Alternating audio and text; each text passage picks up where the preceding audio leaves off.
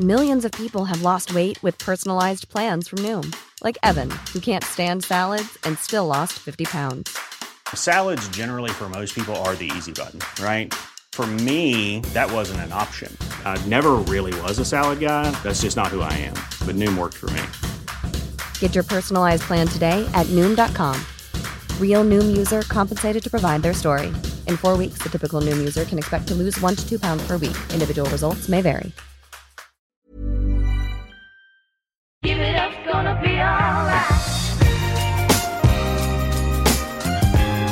Det er deilig. Eh, Det er en ny episode. Det er en ny episode av Helt konge. Og eh, i dag så skal vi ta opp igjen eh, tema som eh, vi har hatt eh, flere ganger. Eh, det har kommet, og det kommer altså så mye eh, engasjement og så mange kule perspektiver og refleksjoner rundt dette temaet som, som jeg er veldig nysgjerrig på, og som, som jeg er veldig opptatt av og har lyst til å lære mer av. Det er jo det som er greia. Liksom. Jeg er så interessert i å lære. Eh, og temaet jeg prater om, det er jo det faktumet, som jeg har sagt flere ganger nå, at eh, for å bli bedre, så må vi trene. Og jeg kommer altså fra idretten hvor, hvor dette er liksom veldig rett fram. Er, alt er tilrettelagt for å trene. Eh, og så vet jeg jo det at i, i arbeidslivet, i næringslivet, i hverdagslivet, så er det jo ikke like rett fram. Eh, men mekanismene er jo helt like likevel. Dette syns jeg er spennende. Og i dag så har jeg med meg en, eh, en løs kanon, føler jeg. Eh, Jeg sier det i, i positivt fortegn, Tom Nordli, så du må ikke, du må ikke bli, du må ikke bli stressa av det, da. Men, men jeg har med meg da Tom Nordli, som har Jeg vil si at du har brei erfaring, i hvert fall innenfor idretten, eh, når det kommer til å utvikle prestasjonsgrupper, eh, ofte over kort tid. eh, Men du har et veldig bevisst forhold til dette med å å få folka dine til å trene for å bli bedre. Eh, og så har jeg lyst til å belyse tematikken eh, fra litt ulike hold. Eh, vi må innom eh, tilbakemeldingskultur som en treningsarena for å faktisk bli bedre. fordi at eh, sånn, som, sånn som jeg har snakket om noen ganger, at liksom i Utenom idretten så er ikke hverdagen lagt opp til å trene. Og da er jo da spørsmålet hvordan er det man da skal skape arena for å faktisk øve. Eh, Tom Nordli, jeg gleder meg til å dele en eh, spennende prat med deg. Velkommen skal du være til Helt konge. Ja, takk for det. Det er helt konge å kunne både lære og, og eventuelt bidra. Og man lærer jo av å kommunisere og ha dialog eh, rundt eh, temaer, så vi er vel ganske nysgjerrige begge to. Eh, Jeg opplever det i hvert fall det. For de som ikke kjenner deg, Tom Nordli. Hvis du Mm. skal bruke Du får ikke bruke 45 minutter på det, men du skal få lov til å bruke 45 sekunder. Hvem er Tom Nordli?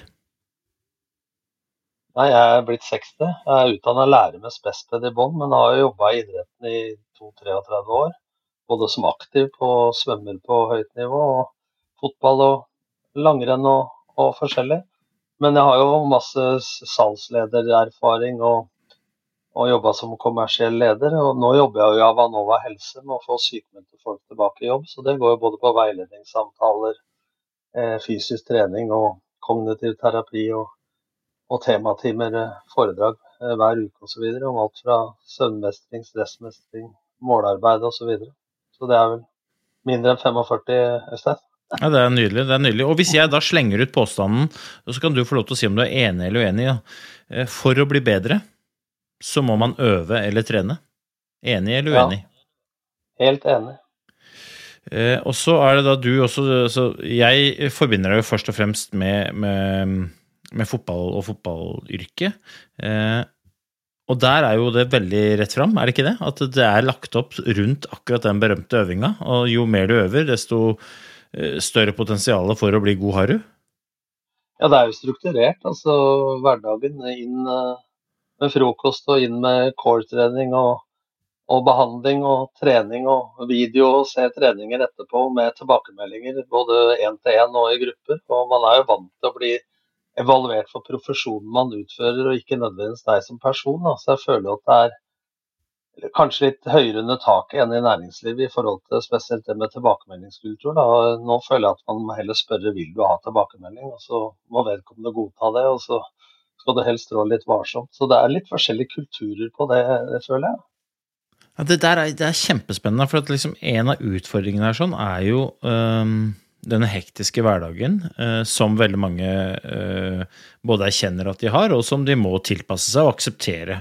Eh, og så handler det da om å finne arenaer hvor man faktisk kan trene, selv om man ikke nødvendigvis har tid til det.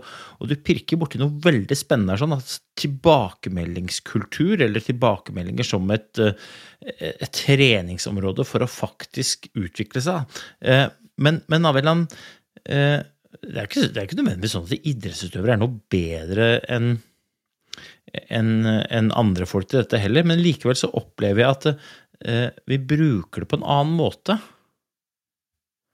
Ja, altså, jeg tenker sånn på tilbakemeldingskultur, så, så er det sånn Hva Hvis du f.eks. får en tilbakemelding, da, så må det inneholde tre ting, sånn som jeg sier. Hva gjorde du nå? Eh, hva kan du gjøre bedre? Og hva var det du gjorde bra? Og spesielt det siste, da. Eh, så er jeg tilhenger av Vi sier ofte til folk, Øystein, bra, Øystein. Eh, og så sier jeg ikke noe mer. Men hvis tilbakemeldinga er at Øystein har gjort noe, noe som er dårlig, så holder vi ofte et langt foredrag på hva som er dårlig. Jeg er veldig tilhenger av både den indre samtalen i eget hode, men også som kollega, da, og tilbakemelding på hva var det som var bra, så man kan gjenskape og videreutvikle det som er bra. For jeg har så tendens til å bare si bra og hva var det som var bra, så det ikke blir tilfeldig om det er bra neste gang. Men jeg føler at det ikke er så mye arena for det, for jeg jobba mye salg bl.a. Og folk har sånn bjelle i, i taket når ene har solgt. Så jeg har alltid tenkt på at eh, han som har solgt, eller henne, har en jævlig god følelse. Eh, men hvordan tenker de andre som sitter der når den ene ringer i bjella? Holder ikke at han har den følelsen at han har solgt? Hva gjør det med resten?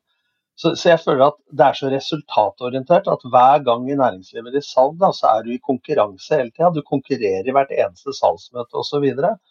Mens uh, en som er turner, han uh, trener vel på trippel salto noen ganger før han tar det ut i konkurransen. Så hvor, hvordan skape arenaer, om det er seminarer La oss si du har et budsjett, da, og så skal du vurdere risiko opp mot gevinst. Hvor stor risiko tør du å ta hvis konsekvensen er sånn og sånn økonomisk? Altså Kall det rollespill eller hva, da, men at man får øvd seg. Jeg har jo sjøl sett meg som selger Øystein. Når jeg solgte grafisk for 30 år siden, og jeg følte at det var helt rolig i kroppsspråket. Og jeg fikk se meg sjøl på video f.eks. i salg. Hvor ofte gjør man det i forhold til idrett?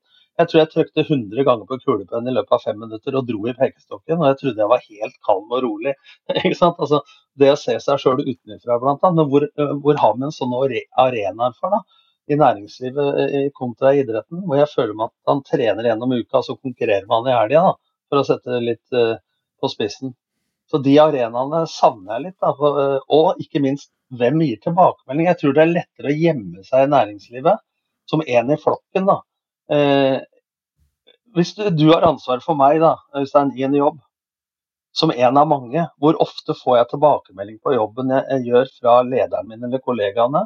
Den tilbakemeldinga må jeg ha. Nesten, du må evaluere deg sjøl. Mens hadde jeg vært i et fotballag eller et langrennslag, eller hva, så hadde jeg fått tilbakemelding på teknikk, på taktikk, på hvor hardt jeg har trent osv. Og på video hver eneste dag. Ikke sant? Ja, det er, det er mange ting du sier som er spennende. Jeg tenker at mm, jeg, jeg, opplever jo at uh, i idretten uh, så er det kanskje én ting som er hovedforskjellen, da i, i, idretten og næringslivet, slik som jeg ser det når det kommer til feedback, er jo den der tilliten i bånn til at de vil hverandre vel og jobbe mot det samme målet. Eh, og da er det veldig mye lettere med det du sier, akkurat den rolleforståelsen. Hvem er det som gir feedback? Hvorfor er det vi gir feedback? Hva er det vi gir feedback på? Hva er hensikten med feedback? Og hvordan er det feedbacken faktisk leverer, leveres? Og um, jeg, jeg føler kanskje at det, for, for å skape for å skape en ordentlig tilbakemeldingskultur, så er man avhengig av den der tilliten i bånn. Liksom, man må skape de gode relasjonene hvor vi faktisk er enige om hva vi skal få til. Uh, og, og, at vi er avhengig av hverandre. For da har man jo skapt et fundament hvor man er ganske trygg på at de tilbakemeldingene som kommer, de er til for å skape fremdrift i retning av målet, ikke bare skape støy eller trykke deg ned, eller For det kan jo fort bli konsekvensen. Jeg, jeg, jeg er veldig sånn uh, jeg har i hvert fall tenkt noen ganger når jeg hører folk som sier at vi må være veldig direkte i stilen til hverandre. Ja, vi, vi, vi har lyst på høy takhøyde, her skal vi bare skyte eh, pucker rett over bordet. Hvis ikke tilliten er til stede, så kan det gå skikkelig skeis av gårde, da. Men det er to ting du må skape der som jeg er helt enig med deg. Det ene er det en tilbakemelding tilbakemeldingskultur. Men hvordan skaper man en tilbakemeldingskultur? Det mener jeg bunner i av noe grunnleggende som mål. Om hvis ledelsen trer et mål nedover huet på deg og sier Øystein, du skal selge for 50 millioner, og du ikke har noen anelse om hvordan du skal få solgt for 50 millioner, så vil jo den målsettinga bare bli et press. Så jeg mener en involveringspedagogikk, altså involvere folka så de får et eierforhold til målet, det må være første bud. Og da må man jo bli enige om uh, takhøyden, eller hvor, hvordan skal tilbakemeldingskulturen være. Hvem skal inn, når skal gi. Skal man spørre om du skal ha det? Skal den gis én til én, eller skal den inn i gruppe eller i teamet ditt, eller skal den gis i plenum? Ikke sant? Altså, jeg tror det er helt kjempeviktig det du sier. Hvis ikke den grunnleggende tilliten og kjemien er der. Det er samme som på eh, om du er hos legen, hos psykologen eller hos meg som veileder. Spiller ingen rolle hva jeg kan. Hvis ikke det er kjemi og tillit mellom oss, så vil du ikke høre på meg likevel. Ikke sant? Men også er det... så er det eierforhold. Ja. mm, ja, så er det, Jeg tar en ting der, Øystein. fordi I fotball da, så har jeg ofte involvert laget i å si at hva skal målsettinga være for laget? Resultatmål, utviklingsmål og dine individuelle mål. Og så har jeg ofte tatt sånn Hva gjør vi hvis vi taper fire kamper på rad? I forhold til media, lagkamerater, trenere osv. Hva gjør vi hvis vi vinner fire kamper på rad for å gjenskape det? Altså, Hvis du har vært med og involvert og sett for deg en fremgang, eller eventuelt en motgang, da, selv om jeg liker å øve på suksess, så tror jeg det er lettere å ikke rekke opp hånda og se ut av vinduet til årsaker utenfor deg sjøl, men peke litt mer innover på deg sjøl, for du har vært med på å bestemme det. Skjønner du hva? Ja, det er jeg jo helt enig i. Og det eierskapet til målet tror jeg er avhengig av for oss å skape den der tilliten i bånn. Altså, hvis ikke alle er med på målet, og alle tar eierskap til eller ansvar for eget bidrag for å faktisk nå det, eh, så tror jeg den der eh, tilliten og de relasjonene som man har i bånd for å kunne skape en, eh, en tilbakemeldingskultur, ikke vil, vil finnes. Og da vil det der ende opp med veldig dårlig stemning. Man er jo avhengig av å ha folk på laget som har lyst til oss å levere. Og, og jeg, jeg opplever jo at, mm, at i hvert fall stort sett når jeg er ute, så er det jo, det er jo folk som har lyst til å være på vinnerlag. Det er jo folk som har lyst til å bidra, det er ingen som ikke har lyst til å være en positiv bidragsyter. Men det er ikke alle som har den klare forståelsen av hva målet er, eller hva målet krever, og sin egen rolle i det. Og det er da, da er det jo vanskelig å begynne å snakke om tilbakemeldingskultur. Da. Og så opplever jeg òg at litt av grunnen til og det, Jeg vet ikke, men jeg, jeg tenker at det kan være litt av grunnen til at vi syns tilbakemeldinger er vanskelig. For vi vet ikke helt hva er det tilbakemeldingen går på. Og da, er det klart, da er det veldig skummelt. Da har ikke jeg heller lyst på noen tilbakemelding, hvis ikke jeg er helt sikker på hva er det jeg skal bli målt på, hva er det jeg får tilbakemelding på, hvordan er det jeg skal bruke den. Og da ender man jo ofte opp i eh, den situasjonen hvor tilbakemeldinger skaper følelser, og bare følelser. I, i, i, i, i de beste lagene jeg har vært, eh, vært i, så har tilbakemeldinger vært ganske ærlige, og de har stort sett alltid skapt følelser, men de har også ledet til handlinger. Jeg ser jo på, på tilbakemeldinger som et sånt supert justeringsverktøy for oss å forsterke atferd, eller justere atferd. Og i aller, aller høyeste grad helst forsterke, men noen ganger så er man jo avhengig av å justere også, og da er jo da er det jo en styrke da, at det laget internt kan, kan justere den atferden. Og ikke nødvendigvis at det kommer fra lederen heller, men at det kommer fra sidemannen. eh, Og ta, rett og slett ta hverandre litt på fersken, både når vi gjør ting som er under paret eller utenfor norm, men i hvert fall når vi gjør ting som er bra. For hvis, til, hvis jeg sier eh, til en gjeng at faderen ut dagen nå, så vil jeg at dere skal ta hverandre på fersken. Så tenker alle å, nå skal de begynne å leite etter feil. Og så det sånn, det sa jeg ikke. Men det er det forholdet vi har til tilbakemeldinger. Altså, de er negative. Men de skal, jo, de skal jo aller helst gjøre hverandre oppmerksomme på positiv atferd som vi ønsker å én gjenskape, og to kanskje til og med forsterke.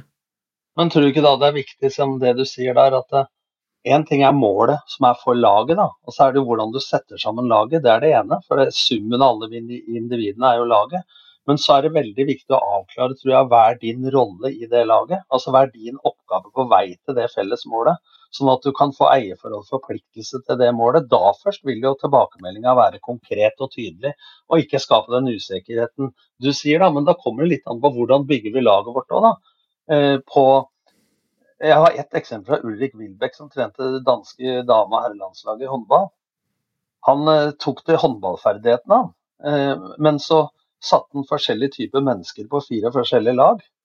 Bare samme typer. Eh, eh, av de personlige psykososiale mentale ferdighetene. Da. Hvordan du tenkte, ikke sjølve hvordan du gjør oppgaven, altså arbeidsoppgaven som håndballspiller eller elektriker eller hva det måtte være. Men så, så blander han disse personlige egenskapene i tillegg til håndballferdigheter. da. Men så satte han igjen den beste strekspilleren fra OL. Og så lurte alle på hvorfor. Jo, for han er halvskada, og når han ikke er fast på laget, så er den et råttent eple i laget, og da, da, går det utover felles målsetning. Så hvilken mennesketype er du sammen med? Hvem presterer du sammen med? Dette er jo også litt hvordan du setter sammen laget, da, enten det er på salgskontoret eller i finansbedriften, eller, eller om det er i langrennslaget eller fotballaget. Men det må skapes da et lag som er komplementære i forhold til hverandre, både de mentale ferdighetene og de rent arbeidsoppgavemessige. Og så må man avklare rollen du har. Og så må det skapes en tilbakemeldingskultur da, som du helt riktig sier, som skal føre til faktisk forpliktelse og en lyst til å komme i retning av målet. Da. For jeg tror at hvis målet blir et press, og ikke veien til målet er noe spesielt morsomt, så tror jeg ikke du når Jeg kan godt nå et mål hvis jeg tjener de og de penga eller status og posisjon osv. Får et kick av det, men det bærekraftige eh, prosessen vil jo være hvis du har en indre motivasjon til rollen du har i laget. Da. Og da tror jeg du er mer klar for en tilbakemelding òg, hvis rollen er avklart. Ja, og akkurat her, her, tror jeg faktisk Dette tror jeg kan være, være nyttig å, å, å, ta tak i i, i, i, for så vidt eh, både hverdagsliv og, og næringsliv, da, men liksom det å sørge for at alle vet uh, hva det er de skal gjøre. For jeg, jeg opplever at veldig mange er litt sånn litt lodne i den derre eh, beskrivelsen av hva er det som faktisk forventes av deg. Eh, det er klart Noen kanskje har et forhold til, eh, til målet til selskapet. Men, men, men, hvis man hadde liksom dykka ned, hva er din jobb? Hva er det du har ansvar for? Hva er det du skal gjøre? Hva er det du blir målt på? så kan man godt hende at man blir litt sånn lodden i svaret. og det er klart da, Hvis, man er, hvis ikke man har tydelig forventningsavklaring, så faller jo all, all tilbakemeldingskultur eh, sammen på, på, den enkle eh, på, det, på første, første regelen, i hvert fall sånn som jeg ser det. altså Tilbakemeldinger ja. må gis på bakgrunn av forventningsavklaringa i utgangspunktet. Tillit og forventningsavklaring tillit til at uh, du gjør det du skal, og forventningsavklaring på at du vet hva det er du skal bli målt på. Og Det er det tilbakemeldingene som må gå på. Og så må du alltid gå på på atferd. Jeg, lar meg, jeg lar meg fascinere av, og det gjelder i idrett, det gjelder overalt, men vi, har, vi, har altså, vi er verdensmestere i å gi hverandre feedback uh, på ting som ikke betyr noe når det kommer til måloppnåelse. Så fin du er på håret. Har du fått en ny jakke? Har, og det er hyggelig. Altså, dette er hyggelige ting. Forstå meg rett. Det er, liksom, det er dritbra. Eh, men det flytter jo ikke noe fjell. Ikke det, er ikke, det, er ikke, det, er jo ikke, den type tilbakemeldingskultur jeg snakker om. Eh, Hva skal du bruke det til?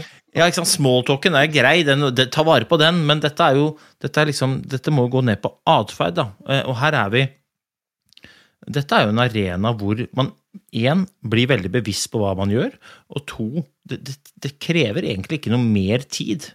Vi bare, vi bare, forsterker det vi gjør, hvorfor vi gjør det vi gjør, og justerer eller, eller, eller hyller eh, det vi holder på med. Da. Og så ser man, Hvis man da i tillegg klarer å fange opp effekten av innsatsen, ok, men da er man jo faktisk inne på noe. Og skape den der, Men det fordrer jo, som du sier, da, det fordrer jo den derre forventningsavklaringa. Det fordrer den derre er det, er det, onboarding som liksom blir liksom cloueren? Å være god på, på ja, men, å få folk inn i? Men du snakka om én ting og tid, og du sa det tar nødvendigvis ikke lengre tid. Jeg tror faktisk at når rollene er avklart og tilliten er skapt, så tar det kortere tid. For det blir mye mer effektivt og mye mer konkret. Og jeg tror da at din rolle på stafettlaget, enten det var i 2010 eh, med Petter, eller om det er eh, som en av fire, eller Jon Arne Riise sin venstrebekk-rolle, eller Martin Ødegaard sin midtbanerolle, den rollen tror jeg er betraktelig mer konkret definert enn en del i en stor organisasjon i næringslivet. Da. Ikke sant? For at det er lettere å forsvinne i det der. Og den kan ha et forhold til eller eh, firma eller laget sin målsetning. Men jeg tror det er som du riktig sier, at det er mer uklart hva er din oppgave og rolle og forpliktelse på veien til det felles målet. Den tror jeg er mye mer utydelig og kan konkretiseres mye mer. Og hvis den er konkret, så har man mye større sjanse til å trene på det også. Og når man trener på det, så kan man også få både i konkurranse og trening tilbakemelding mye mer konkret på den oppgaven du skal gjøre. Så den forventningsavklaringa støtter jeg 100 Hvis ikke så blir tilbakemelding bare ja, han var det, og han, han sa, hun sa det til meg, og det var dårlig gjort. Og det blir følelser og emosjoner rundt det. da. Og da glemmer man at det er perfeksjonen man utfører. Man roser og kritiserer istedenfor deg som person. Da. Ja, det der, er, det der, er, innmari spennende. Det er jo det er som du sier, det, det må gå på atferd. Og det må gå på atferd som har vært, eh, basert på det som har vært, basert på forventningsavklaringa. Men det er jo mynta på det som skal skje videre. Eh, og, og, for å få til det, så er man jo liksom avhengig av å, å vite eh, forventningsavklaringene, selvfølgelig, og, og, og, hva er det som er målet, og hva er det det faktisk krever. Noen ganger så eh, Jeg vil jo si det at eh, de beste tilbakemeldingene jeg har fått, det er jo de tilbakemeldingene jeg har trengt å få, ikke nødvendigvis de jeg ville ha. Mm. Og, det, og, det, og det å ta inn over seg det at det, begrepet konstruktiv kritikk Jeg river meg i håret av det, for jeg skjønner ikke begrepet. Eh, og det handler vel om at man skal gi hverandre kritikk på en hyggelig måte. Eh, men jeg sier at det, fan, det spiller jo ingen rolle. Det er ikke kritikk. Dette er bare en eh, løsningsorientert, ganske konkret tilbakemelding på det du faktisk har gjort og justering av atferd for at du skal få til mer. Og det er jo ingenting du skal være mer glad for enn at noen rundt deg justerer atferden din basert på det de ser. Og du er så opptatt med det du holder på med, at du ofte ikke Du blir litt blind for det. Du står på, og du gjør så godt du kan. Helt supert. Men det er jo en grunn til at vi blir filma som idrettsutøvere. Og det er jo ikke for å få konstruktiv kritikk, men det er for å få tilbakemeldinger. Og tilbakemeldinger er alltid konstruktive, så, så, lenge de følger de enkle reglene, baserer seg på tillit, baserer seg på forventningsavklaring, er løsningsorientert, eh, dreier seg om det som har skjedd, men skal handle om det som skal skje, at de er konkrete. men er ikke, dette, er ikke dette litt spennende? For det er litt sånn brannfakkel òg, da. For det, det er vel kanskje en påstand fra meg, da. At hvis ikke lederen er tydelig nok, konkret nok eller dyktig nok, så hvis du lager en tilbakemeldingskultur, da, som du sier her, som skal være så konkret, så går jo det tilbake som ei svingdør til deg sjøl. For du da som trener, leder eller ansvarlig, blir jo stilt mye mer krav til at du er dyktig nok i tilbakemeldingene også. Ikke sant? Altså når du, 100%. Men jeg tenker at det, det må jo være en, en, leders beste jobb, og, eller beste, i, i, en leders, ikke beste jobb, men i en leders beste interesse, å få konkret tilbakemelding på hvordan vedkommende kan lede bedre. Fordi at er det noe vi har lyst til, så er det jo å få til. Men noen ganger så treng, for å få til mer, så trenger vi en justering av atferd, basert på de rundt oss som ser. Og det må leveres helt konkret, og det handler ikke om å gi hverandre kjeft. I aller høyeste grad handler det om å gi hverandre konkrete tilbakemeldinger på ting som er bra, og på ting som kan endres eller forbedres. Spesielt når ting er bra, for da vil man jo som leder kunne forsterke det. Det var en som, var en som skrev det her i Eh, etter en tidligere podkast var det en som skrev det at uh, utfordringa her er jo at jeg som ansatt blir bedt om å ha eierskap. Blir bedt om å gjennomføre og blir bedt om å gjøre ting skikkelig. Men jeg opplever at jeg ikke blir sett. Og hvis noen ikke ser meg, hvorfor skal jeg da gjøre skikkelig? Og det er et ganske godt poeng, for det pirker borti liksom hvor viktig det er at ledelsen Eh, og eh, også kolleger har tid til å se hverandre, tid til å anerkjenne og tid til å, backe hverandre og følge hverandre opp. Da. Fordi at hvis man ikke blir sett, så vil jo på et eller annet tidspunkt sannsynligvis eierskapet blir litt lavere, og da faller kvaliteten på det man gjør. Også hvis man da ikke har noen feedback-kultur som justerer det i bånn, så sklir det jo litt ut. Et eksempel der, jeg holdt foredrag for fem-seks år siden for Coca-Cola. Så holdt du for ledelsen før lunsj, og etter lunsj var det for gutta og jentene på gulvet. Så satt det en haug av folk der, og så gikk jeg rundt i salen, og så uh, tok jeg på skuldra til, uh, til en asiat uh, som var god i norsk, så spurte jeg er det noen som har fortalt deg noen gang at du gjør en viktig jobb. Så begynte han å grine. Hva er jobben din her? For å sitte enkelt eksempel, da. det er bare å sette kork på colaflaska med en sånn maskin. Men så sa jeg hvis ikke du setter kork på den, så er det ikke kullsyre på colaen. Da kjøper jeg den ikke.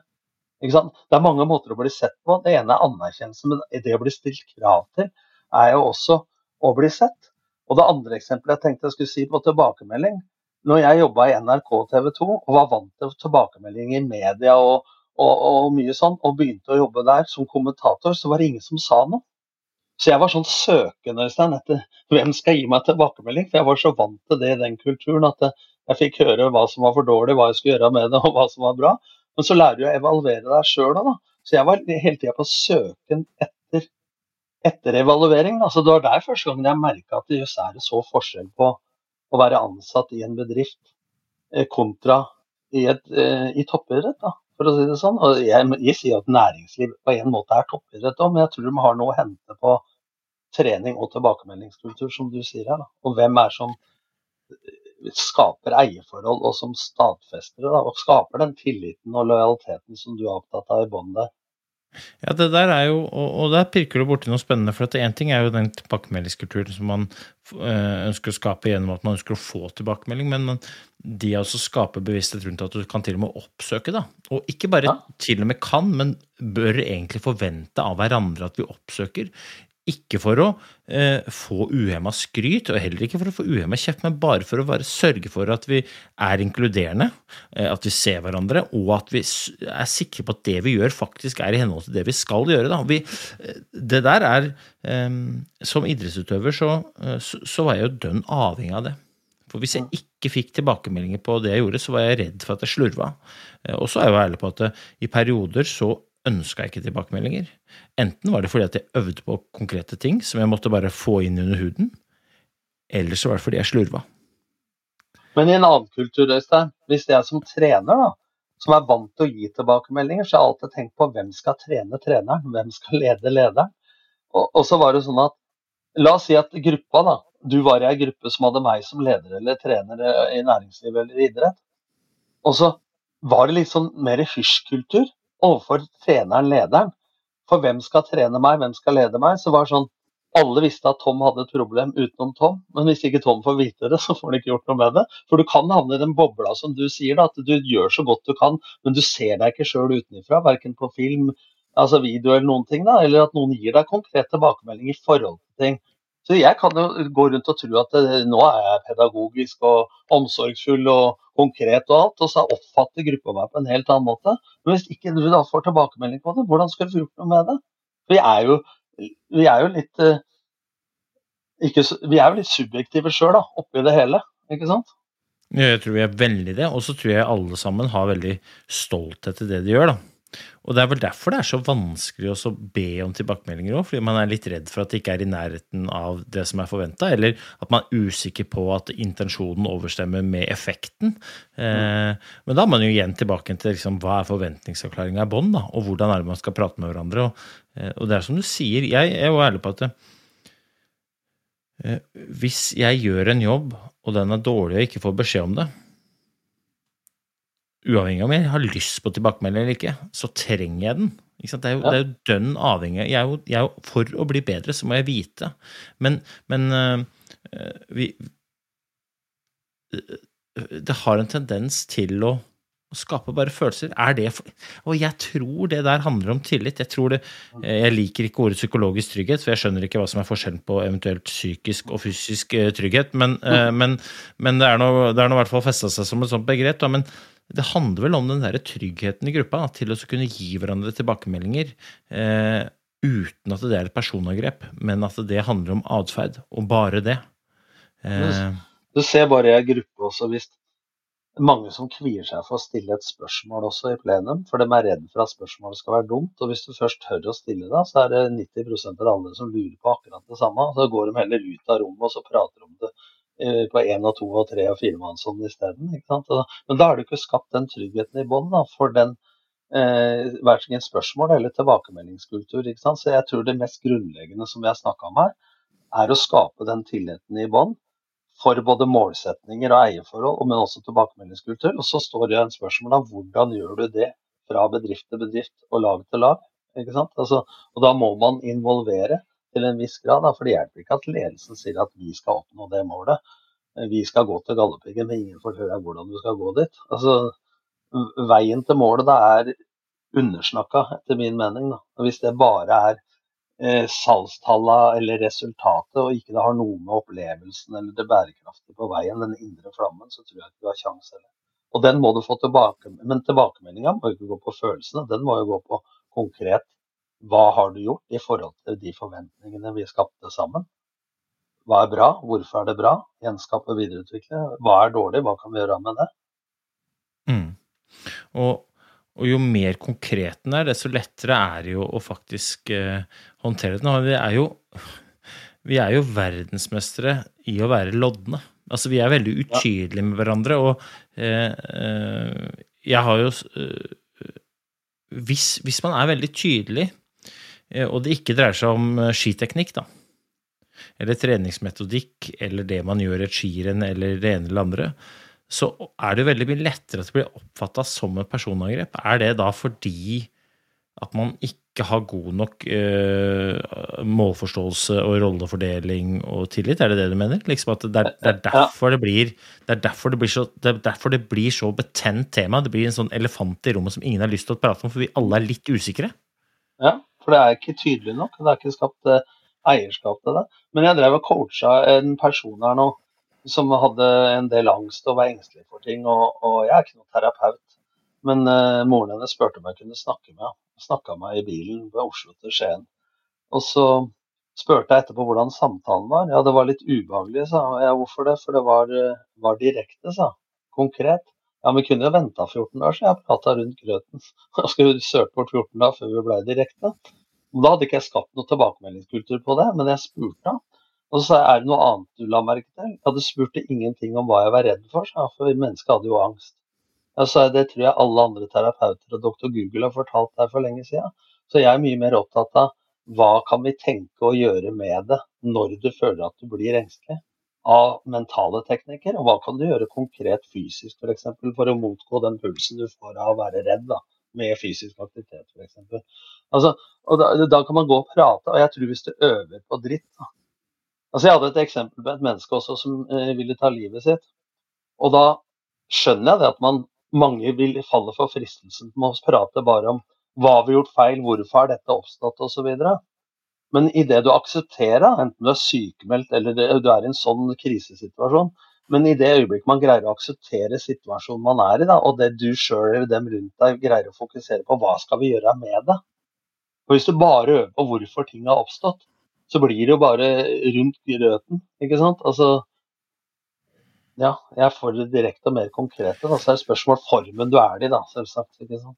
Og så er jo dette òg en sånn Dette òg er jo en treningssak. Dette er ikke noe sånn at man bare bestemmer seg for at man skal skape, og så har man det. For dette vil jo også, eh, også være en treningssak. Jeg hørte eh, en podkast her om, eh, om eh, ja, det var utvikling av team i, i næringslivet. Da, og da, da, sa han som ble Husker jeg ikke navnet på han. Uh, han sa jo det at dette er som all annen trening. Hvis du gjør det én gang, så blir du støl. Hvis du gjør det mange ganger, så blir du god. Og det der er, det er et jævlig godt bilde, egentlig. fordi at hvis man plutselig skal liksom implementere en ny form for et eller annet, og, og i dette tilfellet da tilbakemeldingskultur, så vil det være så ubehagelig, både når man gjør det fordi man ikke har trent på det, og etterpå. For dette, å herregud, jeg har blitt liksom litt eh, metaforisk sett støl, da. Nei, det slutter vi med. Mm. Men hvis man da på en måte gjen, tør å øve litt, og øve handler jo veldig ofte om å måtte tørre å være litt dårlig i starten for å få det bedre på sikt. Uh, og, og, og, jeg tror det der er viktig. Du sa det jo litt mellom linjene. Vi kan jo vente et par uker. Ja, vi kan det, men, men, det blir ikke noe bedre om to uker. Det blir kanskje til og med enda verre, for at vannet har satt seg enda mer, da. Det er ubehagelig, men det er ikke farlig. ja, ja, og jeg, jeg tror det snakkes jo veldig mye om broer man skal bygge mellom idretten og næringslivet. Jeg er ikke for å bygge alle broene. Eh, men en av de eh, som jeg er forkjemper for, er akkurat denne. For det, her opplever jeg idretten som i hvert fall mer bevisst på at feedback og tilbakemeldingskultur kan være et ganske nyttig verktøy for å gjøre folk bevisste på hva det er de faktisk gjør, og effekten av det de gjør, og for å forsterke eller justere atferd. Og det der er eh, viktig, altså. Men peker du ikke litt på lederen der òg? For jeg har hørt deg snakke før, og det har jeg tenkt noen ganger jeg har trent og hørt deg, så tenker jeg sånn at hva er lederskap? Altså, nå skal jeg ikke være stygg mot dem som tror, men du kan fort bli en Jesus-leder, som alle har hørt om og ingen har sett, som sitter innerst på kontoret. Det handler jo om å være, tørre være blant medarbeiderne dine og inspirere. Og, og la folk bli sett, stilt, bli stilt krav til, få tilbakemelding. Men den kulturen, Det er helt rett i det. Det må øves på det også. Da må vi trene. Men igjen så stiller jo dette enda større krav til de som skal være med å sette målsettinga, og ikke minst til dem som skal gi tilbakemelding. Som igjen vil føre til krav til de som skal ta imot tilbakemeldinger. Både, og så kommer jeg inn på tid. Når skal tilbakemeldinga komme? Jeg tror det er altfor mange som har tilbakemelding lenge etter prestasjonen. Da. Enten det er i næringsliv eller i idrett. Altså, all pedagogikk sier at den, den bør komme så nært at folk faktisk har en sjanse til å huske hva som egentlig skjedde. Jeg har Mm. til og med hatt fotballspillere som ser ting på video som sier ja, det var ikke sånn, enda de ser det på bildet. ikke sant? Så det, Ja, og det er jo ehm, eh, Nå er det jo ski-VM, mens vi spiller inn dette, så er det ski-VM. Og her for to dager siden så gikk Astrid Øyre Slind inn og tok eh, bronsemedalje på 50 meter duatlon. Um, Stig Rune Kveen. Ja, ja, er rå prestasjon. Stig Rune Kveen eh, han er da trener for damelandslaget. og Han, han sto og skreik til Astrid Øyre Slind eh, når hun kom oppover bakken. Så skreik han 'få beina under det og skyv'. Få beina under det og skyv. Og det var det eneste han sa, og det er veldig konkret. Eh, Det Astrid hører, eh, har lyst til å høre, er heia, heia. eh, Ja, nå går det kjempebra. Dette kommer til å gå 15 fint. foran, 15 bak. Ikke sant? Men, men han, han gir henne en konkret, direkte og veldig tydelig tilbakemelding på det hun skal gjøre for å få til. Og, og, Men det, det der, der det der la jeg merke til, for det er en til som gjorde det tilbake til OL på Lillehammer i 1994. Jeg kjenner Hans Trygve Kristiansen godt, som trente Johan Olav Koss. De hadde ikke rundetid på 10 000 meter når de satte verdensrekord. Det var én og en runde, og så var det, jeg begynte å bli sliten, så var det en, en inngang og utgang til svingen. Til slutt så var det ett og et skjær, akkurat som Stig Rune sa. Det var litt morsomt du sa det, for jeg prøvde å ansette Stig Rune som selger i et hjertestarterfirma en gang for mange år siden. Men det, jeg la merke til det sjøl, for det, der, det var så deilig. For det var ikke noe visvas om og men. Hvis du gjør sånn, så gjør sånn. Og nå er det stå på, for det kommer de i ræva på deg liksom, og skal ta deg igjen. Men det var bare helt konkret. Hva skal du gjøre for å få en optimal prestasjon ut av den situasjonen du er i resten av løpet? Så det er Ja, og det, er og det her mener jeg Det her mener jeg er liksom um, et veldig godt eksempel på hva, hva prestasjonskultur faktisk er. da.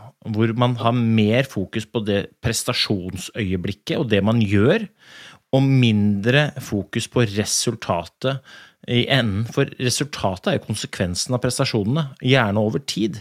Så da må vi sørge for å legge til rette for at alle sammen presterer så godt de kan.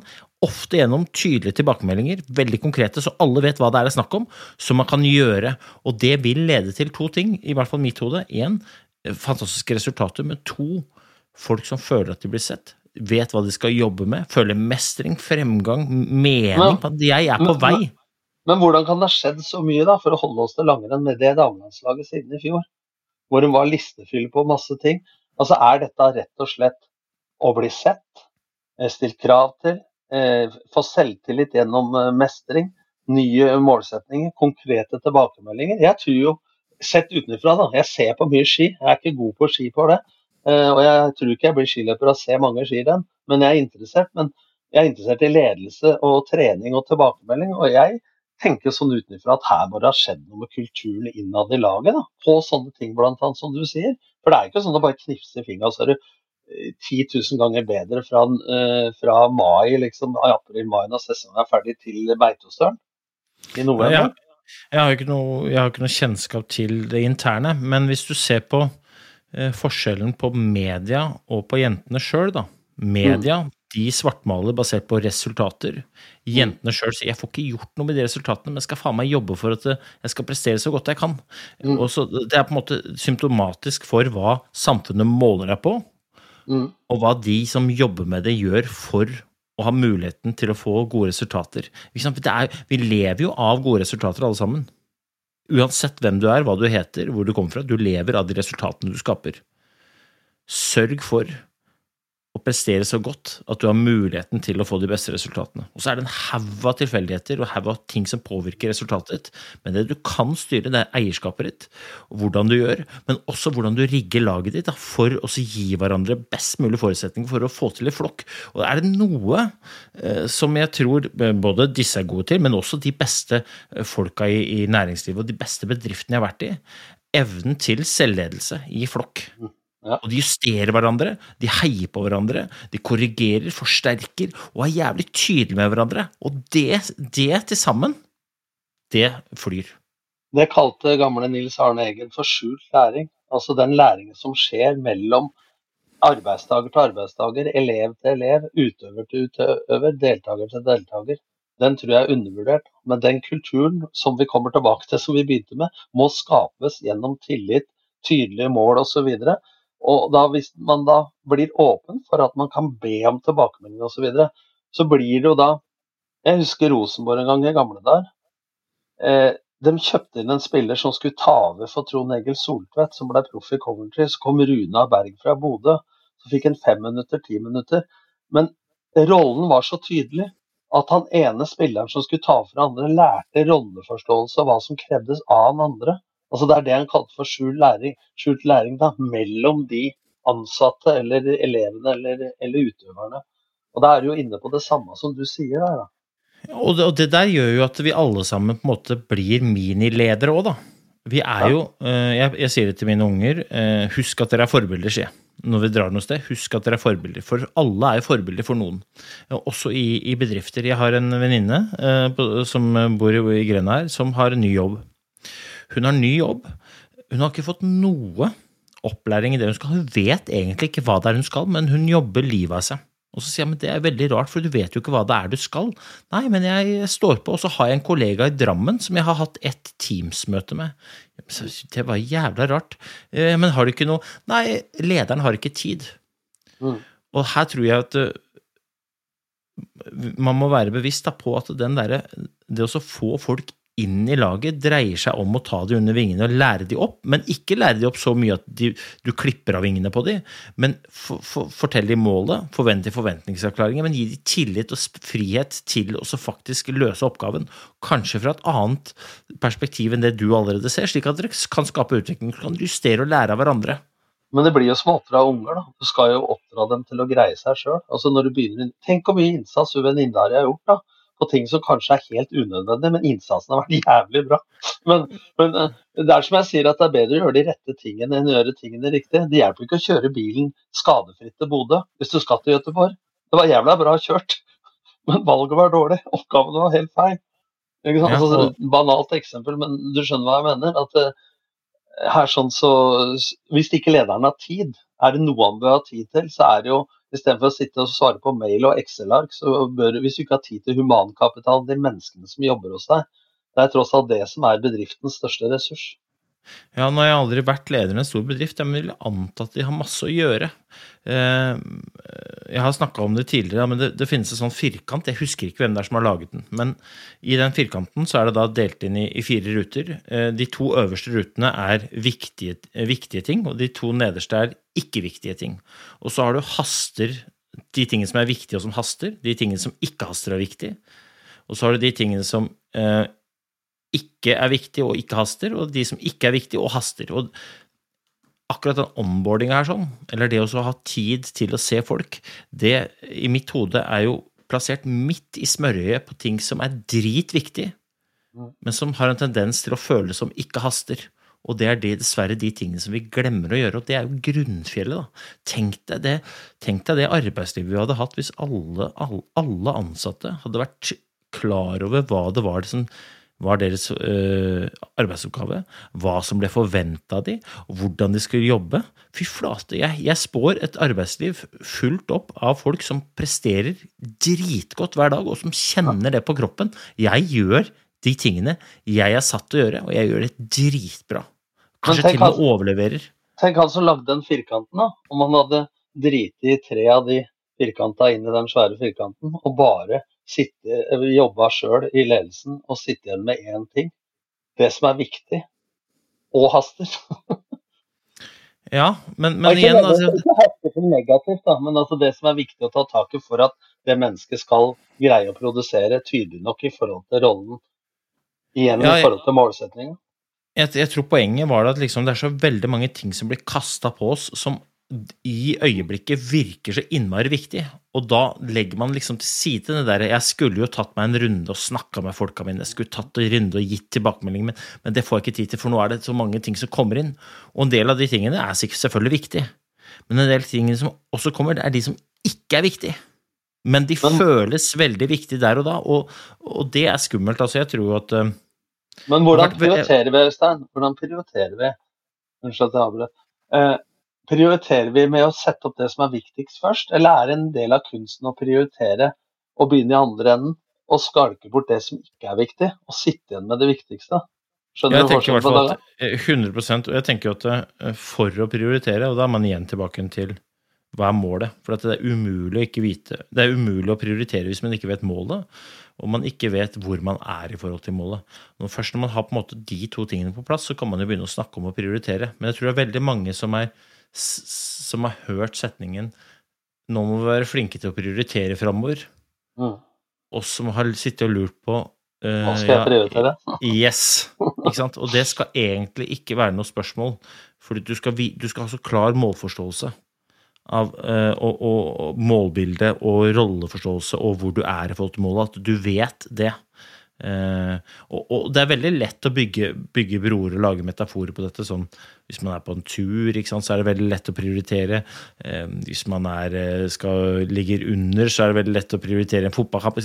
Da er det veldig lett, men i en arbeidssituasjon, en svær bedrift, for hver enkelt, Men hvis målet, til, hvis målet til bedriften da, er tydelig, men hvis ikke den enkelte medarbeider i sin rolle har sine målsetninger, og greie, sørger for at dem er på et sånt nivå at du kan ha mulighet til å nå det, så du får mestringsfølelse og så et nytt mål, altså kall det ABC-mål eller mål som er mulig å oppnå. Da. Alle de små måla på veien til hovedmålet.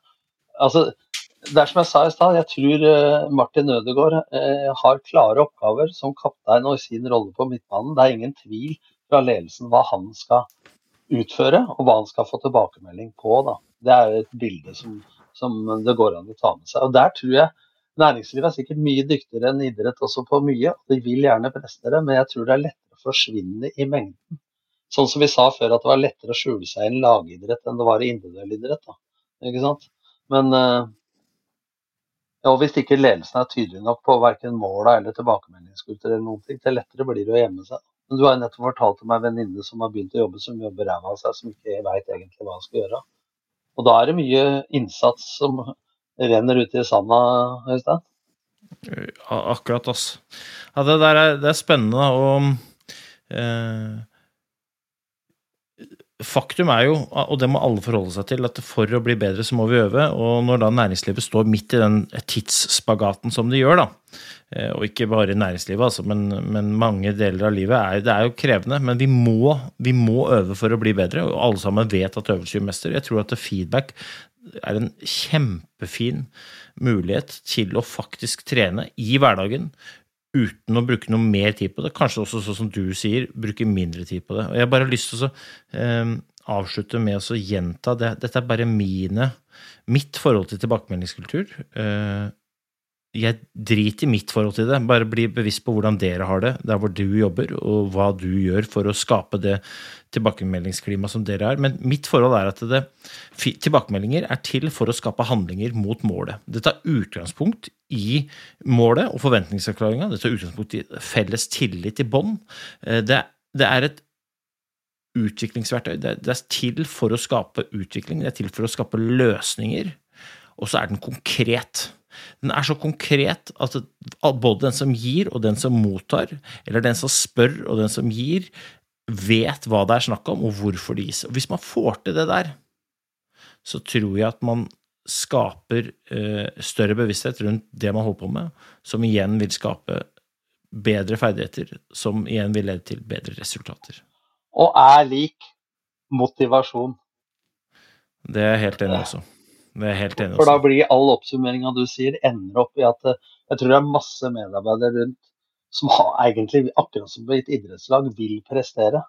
Men vær litt usikre på hvordan de skal prestere. Jo tydeligere det er, og, og mer konkret, eh, både positiv og, og, og eventuelt rettleda tilbakemelding er, så, så vil det skape motivasjon. Den motivasjonen vil være mer indre, da. Ikke bare at jeg skal tjene så og så mye penger eller ringe i bjella, men at eh, den blir bærekraftig over tid. For gode og dårlige resultater på kort tid kan være tilfeldig, men over tid så tror jeg det er en konsekvens av hvordan man har gjort jobben.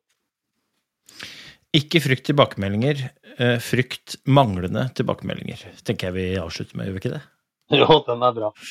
Det er helt konge å ha deg, Tom. Du er, eh, altså, du er jo en eh, kruttønne, du er en løs kanon, men jeg syns du oppførte deg fint. Jeg skal sende melding til eh, Du må, resten av du, må, du må ikke spre det der, for jeg er jo ikke noen løs kanon. Den som blir kjent med meg, skjønner jo at det, det er litt refleksjon bak dette. ja, det, det kan være Du, du, du innleda med å si, si at du hadde bikka 60, så det kan hende det er det. Da. Det er alderen, rett og slett, som er Det som er greia. Nei, det er helt konge å prate med deg, Tom. Det skal du vite. Og så Som lytter, og som alltid, hvis dere har noe Nå har vi snakka om tilbakemeldinger, altså da er det ikke noe feil å si det. Hvis du har noen tilbakemeldinger, men ikke vær redd for oss å skyte, skyte de rett i retning av meg eller Tom, da jeg tar med deg i, i dragsugeren, Tom.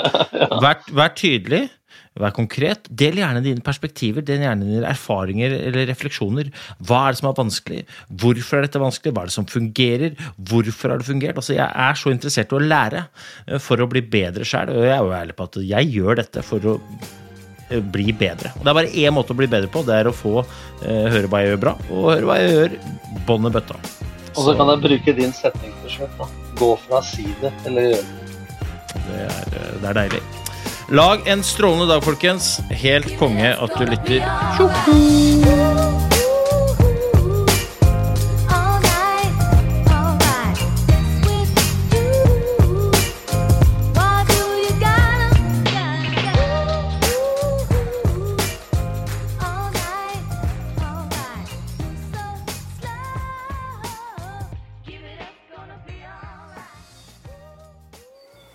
Gode dager.